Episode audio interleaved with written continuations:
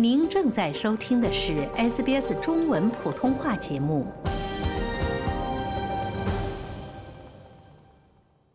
新的一年已经到来，随之而来的是一系列政策的变化，从金钱事务到教育、吸烟以及电动汽车。以下是您需要了解的内容：福利金变动。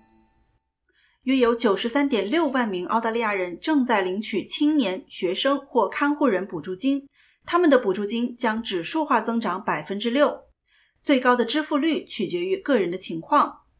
青年津贴每两周将增加二十二点四至四十五点六澳元，助学金每两周将增加三十六点二至四十五点六澳元。二十一岁以下人士的残障援助福利金每两周将增加三十一点一至四十四点九澳元。而照顾者津贴每两周将增加八点七澳元。养老金新规，养老金将被纳入国家就业标准，成为劳工的一项权利。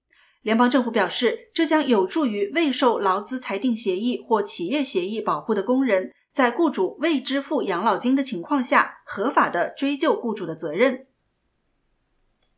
国民医保安全网。如果您自己付费在公立医院之外的医疗机构就医或做各种检查，可能有资格享受国民医保安全网的福利。原始国民医保安全网和扩展国民医保安全网的门槛将提高百分之五点二，与二零二三年九月季度的消费者价格指数保持一致。这意味着，在享受国民医保安全网提高报销额的福利之前，国民医保卡 Medicare 持有人需要支付五百六十点四澳元的差额费用。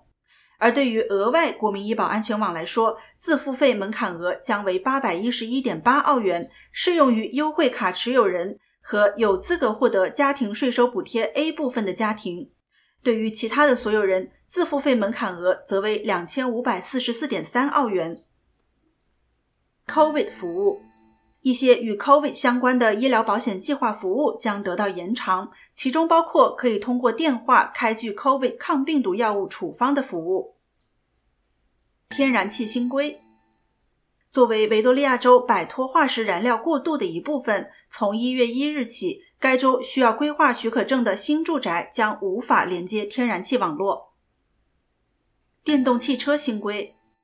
新南威尔士州居民购买符合条件的电动汽车将不能再申请印花税退款和折扣了。南澳大利亚州为符合条件的电动汽车和轻动力汽车提供的三千澳元补贴也将取消。电子烟和吸烟新规，联邦政府打击吸烟的行动将在新的一年开始。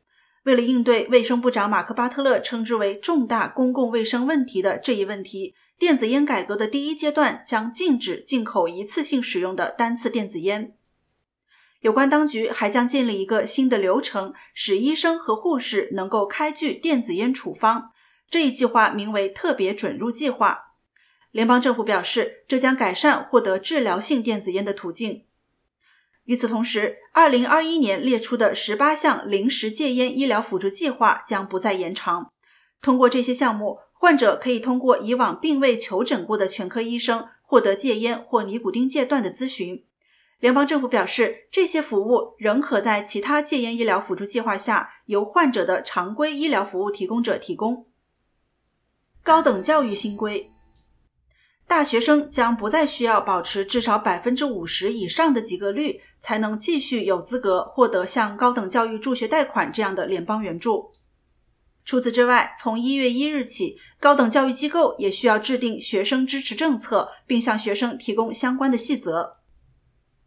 空置住房新规：维多利亚州空置住宅土地税将在新的一年扩大。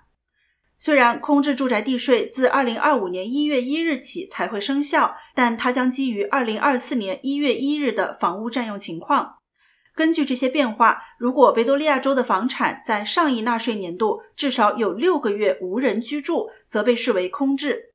房产空置税将随着空置年限逐年增加，第一年增加百分之一，第二年增加百分之二，第三年增加百分之三。该税是根据资本改良值缴纳的。一些房屋可以获得豁免，不必缴纳房屋空置税，包括度假屋，但要满足特定的要求。幼儿和学前教育新规。如果子女就读于政府批准的幼儿园项目，昆士兰州的家长可以享受子女每周免费上十五个小时的幼儿园。而澳大利亚首都领地政府将为堪培拉家庭提供每年三百个小时的免费三岁学前教育。喜欢、分享、评论，欢迎您在 Facebook 上关注 SBS 普通话页面。